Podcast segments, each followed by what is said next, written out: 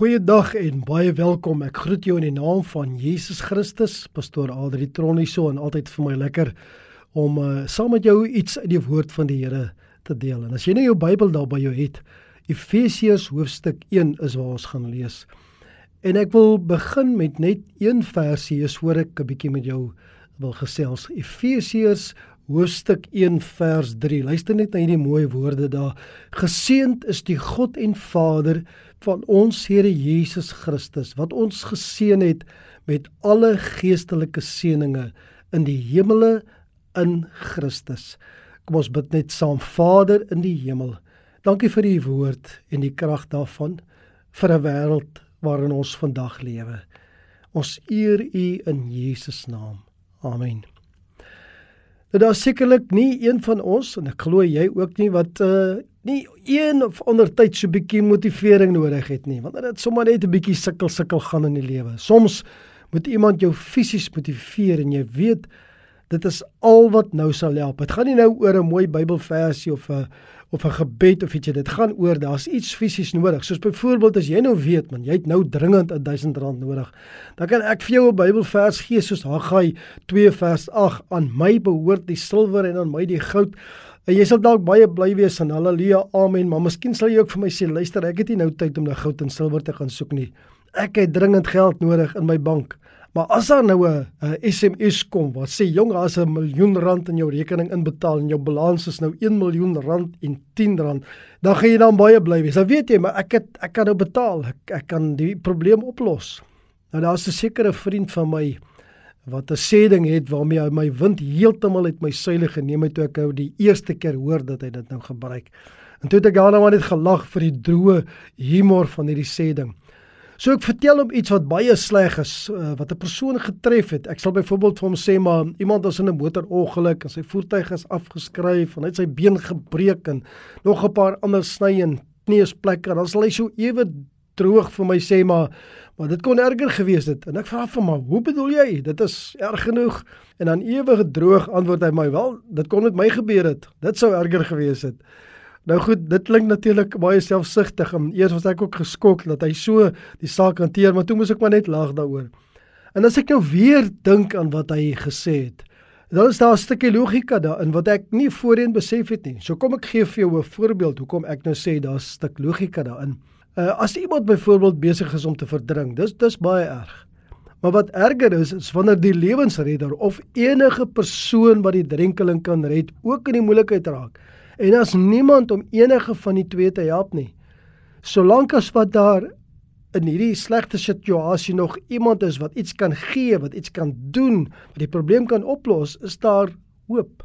Daar gebeur baie tragiese dinge in die lewens van mense naby aan ons, ook in ons eie lewens. Daar gebeur tragiese dinge in ons land en daar gebeur tragiese dinge in die wêreld. Ek en jy is maar te bewus daarvan juis in hierdie oomblik. Maar dit kon erger gewees het as daar nie Christene was nie. En dan gaan 'n tyd kom wanneer daar so 'n toestand is, wanneer daar nie gelowiges op hierdie aarde gaan wees nie. Maar nou is daar nog Christene. Nou is ek en jy nog hier. Nou is daar nog hoop vir die mense van hierdie wêreld juis omdat daar gelowiges is. Wat ons as Christene egter moet oppas voor is dat ons dink en ons fokus dat wat ons het om te gee is gebed onder die omstandighede in die lewens van mense hier op aarde, die omstandighede in ons land, die omstandighede in die aarde in die hele wêreld dat ons dit daarmee sou kan verander dat dit beter sal gaan. Dat daar nou vrede gaan wees dat dinge spoedig beter sal gaan. Jy sien as dit ons fokus is, dan het ons eintlik soos miljonêers geword wat vir iemand op straat 'n toebroodjie gee en sê gaan in vrede. Want ons het soveel meer om te gee. So die tema van vandag se boodskap is wat het die Christen om te gee aan 'n chaotiese wêreld. En Nou wil ek vir jou vra, kom ons lees Efesiërs hoofstuk 1 net weer en ons lees die hele gedeelte daar van vers 3 af. Geseend is die God en Vader van ons Here Jesus Christus wat ons geseën het met alle geestelike seënings in die hemel in Christus. Soos hy ons in hom uitverkies het voor die grondlegging van die wêreld om heilig en sonder gebrek vir hom in liefde te wees. deurdat hy ons voorbeskik het om ons as sy kinders vir homself aan te neem deur Jesus Christus na die welbehae van sy wil tot lof van die heerlikheid van sy genade waarmee hy ons begenadig het in die geliefde in hom het ons die verlossing deur sy bloed die vergifnis van die misdade na die rykdom van sy genade wat hy oorvloedig aan ons bewys het in alle wysheid en verstand. Deurdat hy aan ons die verborgenheid van sy wil bekend gemaak het na sy welbehae wat hy in homself voorgenem het om die volheid van die tye te reël met die doel om alle dinge wat in die hemele sowel as wat op die aarde is onder een hoof in Christus te verenig in hom in wie ons ook 'n erfdeel ontvang het nadat ons van tevore daartoe verordeneer is ooreenkomstig die voorneme van hom wat alles werk volgens die raad van sy wil. Sodat ons kan wees tot lof van sy heerlikheid ons wat reeds tevore op Christus gehoop het in wie julle ook nadat julle die woord van die waarheid die evangelie van julle redding gehoor het in wie julle nadat julle ook geglo het verseël is met die Heilige Gees van die belofte wat die onderpand is van ons erfdeel om sy eiendom te verlos tot lof van sy heerlikheid geestelike seënings in die hemel klink asof dit iets daar ver is. En dit is wonderlik, maar wat van nou? Wat van hier? Eindelik moet ons dit verstaan as seëninge wat in die hemel is, maar wat verbind is met hierdie aarde. Dit is hoog verhewe seëninge en tog is dit hier by ons op die aarde verwerf. Miskien kan 'n mens dit sien soos 'n vlieër wat hoog vlieg en jy hou maar net 'n touie onder op die aarde vas, maar jy geniet dit as die vlieër daar in die lug en die wind vlieg en rondskarrel. Maar hier onder op die grond het dit eintlik geen betekenis nie. Maar daarbo kan jy dit geniet en maar jy kan nie aan die vleuer vat nie. Jy hou maar net 'n tou vas op hierdie aarde. In hierdie gedeelte het een bron wat ek na gekyk het, 21 seëninge geïdentifiseer in hierdie gedeelte, maar ek wil vandag met jou net so 'n indeling van van sewe dele. Jy kan hom self gaan soek na die 21 daar op jou eie tyd. So die heel eerste ene is uitverkiesing en voorbeskikking of dan ook die woord predestinasie wat ons in vers 4 en vers 5 en ook in vers 11 kry. Nou dit is eintlik die sleutel wat die deure na die ander seënings vir ons oopsluit.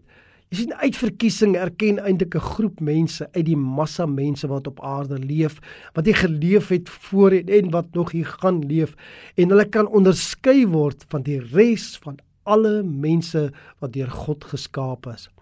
Wat ons hier moet verstaan is eerstens dat Paulus hier praat met hulle wat reeds tot bekering gekom het.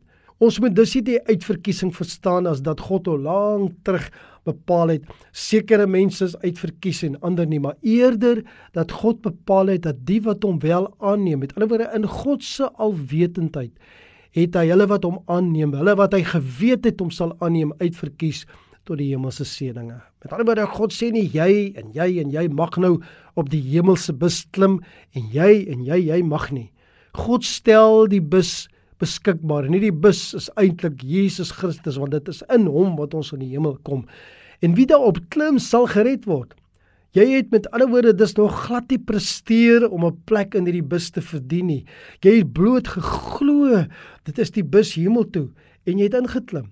Die bevolking van hierdie wêreld sal dis eintlik altyd ingedeel kan word in die wat reeds Christus aangeneem het en in die wat dit nog moet doen en die wat dit nooit sal doen nie. Die wat hulle harte verhard het.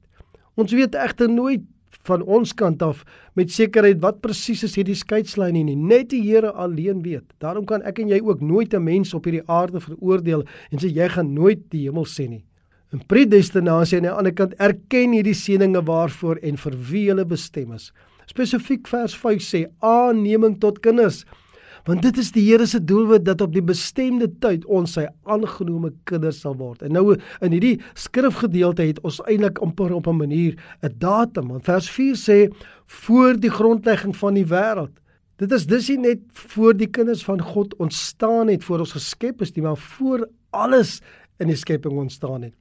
So die seëninge wat hiervan gepraat word is verhoogde seëninge wat in die ewige beraadslaging van God drie enig bepaal is. So ek wil hê jy moet sommer so terloops net kennis neem dat in hierdie hele gedeelte staan die woordjie drie enige God nooit nie, maar ons het te doen hier met die Vader, ons het te doen met die Seun en ons het dit doen met die Heilige Gees.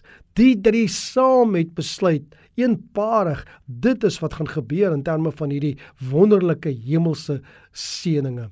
Nou, dit is nie soos dit wat ons vir 'n bedelaar sou gee nie. Met ander woorde, dit is nie maar net sommer op die ingewing van die oomblik dat God besluit het hy gee hierdie hemelse seëning nie. Dit is eerder 'n erfporsie wat 'n ouer aan sy kind agterlaat. Met ander woorde, dit is goed deurdink. Dit is besluit.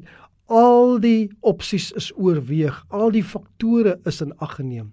En hierdie besluit van God is gedryf deur sy goddelike liefde vir sy uitverkorenes. En ons is uitverkies in hom vers 4 in Jesus Christus sê vers 5 in die geliefde sê vers 6 die hoof van die uitverkiesing. En in hierdie verkose redder en verlosser het ek en jy nou goddelike guns verkry. En wat is die einddoel wat God hiermee het? Sodat ons heilig kan wees is die einddoel. Volgens vers 4 heilig en sonder gebrek. Nie omdat God in sy alwetendheid maar net gesien het dat ons heilig gaan wees nie, maar omdat hy ook besluit het om ons heilig te maak. Ek en jy kan op ons eie nooit so heilig word soos wat God ons wil hê nie. God self sal ons so heilig kom maak. Hierdie heiligmaking is ook nie net uiterlikie Dit is nie net teenoor mense nie, maar dit is innerlik. Dit is met ander woorde daar waar God in jou in my hart kan sien. Dit is heiligheid wat ons sonder blaam voor God plaas. Ons heiligmaking en redding maak liefde tot God en ander mense moontlik. En dit begin hier en ons gebruik dit eers in volkomeenheid in die lewe hierna. En dit is iets wat God in ons sal bereik volgens die raad van sy wil vers 11 en tot sy heerlikheid wat ons lees in vers 6 en vers 12 en vers 14. En ek wil hê jy moet kennis neem hiervan dat alles tot sy heerlikheid is. Al die hemelse seënings is tot sy heerlikheid.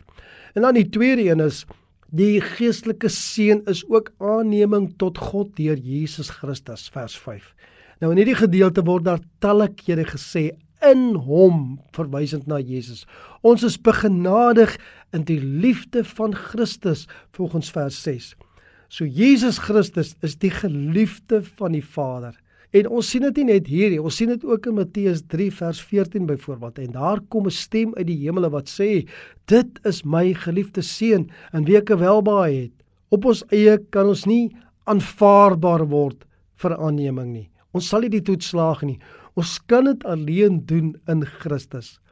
Op grond van hierdie vaderlike liefde tot Christus word ek nou die ontvanger van God se versorging en word ek in sy familie ingetrek omdat ek 'n verhouding met die Vader se geliefde Jesus Christus het. God het my en jou lief ter wille van sy geliefde seun. Dit geld vir elke velkleur. Dit geld vir elke volk, elke taal, elke nasie. Dit geld vir Israel, die Jode, dit geld vir die Palestyn, dit geld vir elke geloof en godsdiens op hierdie aarde. Dit gaan oor my verhouding met Jesus Christus. Dit is wat bepaal of ek en jy deur God aangeneem is. En die derde seën wat ons van lees is in vers 7 beskryf as die verlossing deur sy bloed en vergifnis van die misdade of dan van ons sondes. Vriende, daar is nie vergifnis sonder verlossing nie. Dit is deur die sonde dat ons gevangenes van die duiwel geraak het en ons kan nooit uit hierdie gevangenskap verlos word sonder die vergifnis van ons sondes nie. Hierdie verlossing het ek en jy in Christus en dit is in die vergifnis deur sy bloed. Die sondevlek, die skandvlek, die vuilheid van my lewe kon op geen ander manier verwyder word as deur die bloed van Jesus Christus nie. Mens wil amper sê dit is soos die die jig wat die wit klere wat vlekke op het skoon gemaak het. Dis hierdie bloedstroom wat die seëning in ons toe vloei. Hierdie groot voordeel ontvang ons gratis. Hoewel dit duur gekoop is deur Jesus Christus en tog is dit deur die rykdom van God se genade. Christus het die Vader tevrede gestel, maar die Vader se ryke genade is konstant in die redding van die mens. Daardie genade gaan daaroor dat die Vader toegelaat het dat sy seun as die offerlam sterf in ons plek om redding en vergifnis te bewerkstellig vir ons sondes. Dis nie net in genade gedoen nie, maar volgens vers 8 in wysheid om hierdie nuwe dispensasie of hierdie hierdie nuwe testament, hierdie nuwe era ook in my persoonlike lewe behalwe vir die kerk era waarin ons leef, ook in my persoonlike lewe en verstand of dan eerder met omsigtigheid dit goed deurdag deurdat hy sy wil uitgevoer het. Dit was met ander woorde nooit 'n emosionele besluit by God nie. Hy het dit nie uit woede gedoen oor die sonde van die mensdom nie. Hy het dit nie gedoen uit vergelding en nie in straf nie, maar goddelike wysheid, goddelike beoordeling en beraadslaging is wat hom by hierdie gevolgtrekking uitgekom het dat hy sê, "Maar ek gaan deur my seun se bloed vergifnis en verlossing vir die mensdom gee." En dan die vierde seun waarvan Paulus ook praat, is vers 9 die openbaarmaking van die verborgenheid van sy wil. Drie keer lees ons in hierdie gedeelte van God se wil. En dit beteken soveel van die Here se wil wat vir 'n lang tydperk verborge was vir die mens is nou geopenbaar. En ek weet dit is steeds verborge vir 'n groot deel van die wêreld, mense wat net nie glo nie. Maar ons het hierdie openbaarmaking te danke aan die seun van God wat saam met die Vader van ewigheid af bestaan. En dit is hy wat die wil van die Vader op hierdie aarde vir ons bekend kom maak het en dis hy wat hierdie wil in sy woord vir ons kom bekend maak. Tot sy verheerliking het God sy raadsbesluite oor die verlossing van die mens openbaar gemaak deur Jesus Christus. Vers 13 spreek van hierdie wysheid en deurdenkte openbaring van God as die woord van waarheid en die evangelie van ons redding. Elke woord van God leer ons die belangrike waarhede en dit is geseël deur die belofte of die eed van die lewe. Dit is die evangelie van ons verlossing. Dit publiseer die goeie tyding van ons verlossing. Dit vertel ons wie en wat die offer daarvoor is. Dit wys ons in die rigting van ons verlossing. Die Heilige Gees stel ons in staat om dit so te lees dat dit ons siel raak en ons harte verander.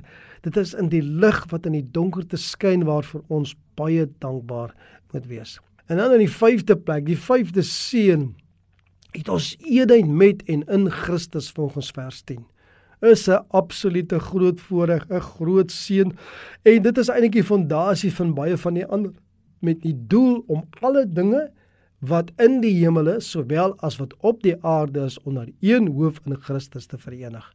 Al die lyne van goddelike openbaring ontmoet mekaar in Christus. Alle godsdienst sentreer in hom. Alle dinge in die hemel en op die aarde word alles in hom bymekaar gemaak. Alle vrede, alle uitstaande sake tussen die hemel en die aarde, met ander woorde tussen God en die mens word in Christus gefinaliseer. En daarom stuur die Vader hom ook in die volheid van die tyd. So het hy gedoen die eerste keer en so sal hy dit doen die tweede keer. En dan in die 6ste plek, die ewige erfenis is sekerlik die grootste seën waarmee ek en jy in Christus geseën word. En dis die 6ste seën. Dit is ook in hom wat ons erfenis ontvang volgens vers 11. Die hemel is die erfenis en die vreugde hiervan is voldoende seën, vreugde en blydskap vir die siel van die mens. Jy weet op hierdie aarde soek 'n mens altyd na nog iets. Daar's altyd hierdie leë plek in jou lewe, maar dit is in die hemel sal daar nie meer so iets wees nie. Die hemel is nie net 'n plek nie. Dit gaan nie net oor geografiese plek nie, maar om vir ewig in die teenwoordigheid van God, die Almagtige te wees. Dit is die geskenk wat die Vader aan sy kinders gee. En as ons sy kinders is, dan is ons natuurlik ook erfgename. Al die ander seënings wat ons ontvang is eintlik klein in vergelyking met hierdie erfenis. Maar sonder die ander kan ons ook nie hierdie erfenis ontvang nie. Sonder die ander kan ons nooit voluit in die teenwoordigheid van God wees in die hemel nie. En dan die laaste een wat ek graag met jou wil deel, die sewende een, die seël of onderpand van ons erfdeel is die Heilige Gees. Ons is geseël met die Heilige Gees van belofte. Die Gees wie self heilig is, maak ook vir my en vir jou heilig. Hy word die Heilige Gees om belofte genoem omdat hy juis deur Jesus Christus beloof is voor sy hemelvaart. Dat die Heilige Gees ons seël beteken ek en jy is afgesonder vir die Here en dit is hoe ons ook moet leef. Ons is gemerk vir die Here. Ons kan uitgeken word. Ons behoort uitgeken word as die eiendom van die Here. Die Heilige Gees is hierdie onderpand in in die in die Joodse kultuur en ekonomie het dit maar net bedoel dat dit is soos 'n waarborg, dit is soos 'n deposito. Dit is gedeeltelik maar dit waarborg die volheid daarvan. Ons het die vaste hoop dat uiteindelik sal ons die volheid van hierdie seën kan ontvang. Al die invloed, al die handelinge beide as heiligmaker en trooster word in die hemel begin en dit verheerlik God by die begin en die einde met die saad en die blom met die klein uitspruitsel tot in die volheid van die vrug wat geoes word uiteindelik. Die Heilige Gees oortuig ons van sonde en verlos ons van die mag van sonde Die Heilige Gees vertroos ons harte in moeilike tye. Die Heilige Gees gee ons gawes en talente om die kerk mee te dien. Die Heilige Gees transformeer ons en heilig ons om meer soos Jesus te wees. Die Heilige Gees gee ons eenheid tussen mense van verskillende tale, rasse en ekonomiese agtergrond. Die Heilige Gees gee ons geloof in Jesus Christus. Die Heilige Gees woon in almal van ons. So wat is ons as Christene se antwoord vir 'n chaotiese wêreld? Wat het ons om te gee? Dis nie vrede nie, dis nie voorspoed nie, nie rykdom of enige ander saak vir die lewe op hierdie aarde vorentoe gaan beter maak nie. Nie die staking van oorlog nie, nie die uitdelging van armoede nie, nie die genesing van hulle siektes nie, nie die versoening van alle risikomakers en kwaadstokers nie, nie die restaurasie van alle huwelike nie, nie die aflos van al jou finansiële skuld of wat ook al gedink word in hierdie lewe dit beter sal maak vir ons nie. Wat ons het is hierdie hemelse seëninge. En ons kan net bid waarin ons werklik glo. Ons kan net gee wat ons waarlik besit. Dit is wat ek en jy besit. As ek waarlik in Christus is, dan besit ek hierdie hemelse seëninge. Dan kan ek vir die Here sê, Here, gee ook dit aan ander. Gee die uitverkiesing en predestinasie. Here gee die aanneming tot kinders van die Here in Jesus Christus. Gee verlossing en vergifnis van sondes deur die bloed van Jesus. Gee die openbaring van God se wil. Gee Jesus Christus, gee die erfenis wat Jesus met ons deel. Gee die Heilige Gees as die seël en die onderpand. Kom ons bid saam. Hemelse Vader, dankie vir hemelse seënings. Dankie vir die oortuiging dat ons dit besit dat al is dit in die hemel en ons is op die aarde, weet ons dit wag op ons. Dankie Here dat U dit vir ons kom gee as 'n besitting sodat ons dit kan verkondig aan die wêreld, sodat daar in die chaos van die wêreld 'n hoop kan kom wat nie van hierdie wêreld is nie, maar van die hemel is, sodat mense kan weet dat hierdie lewe is maar 'n breekdeel van 'n sekonde van die ewigheid maar daar's nog soveel meer dat ons kan uitsien na 'n lewe in u teenwoordigheid. In die teenwoordigheid van Jesus Christus in die volle werking van die Heilige Gees. Ons bid dit in Jesus naam. Amen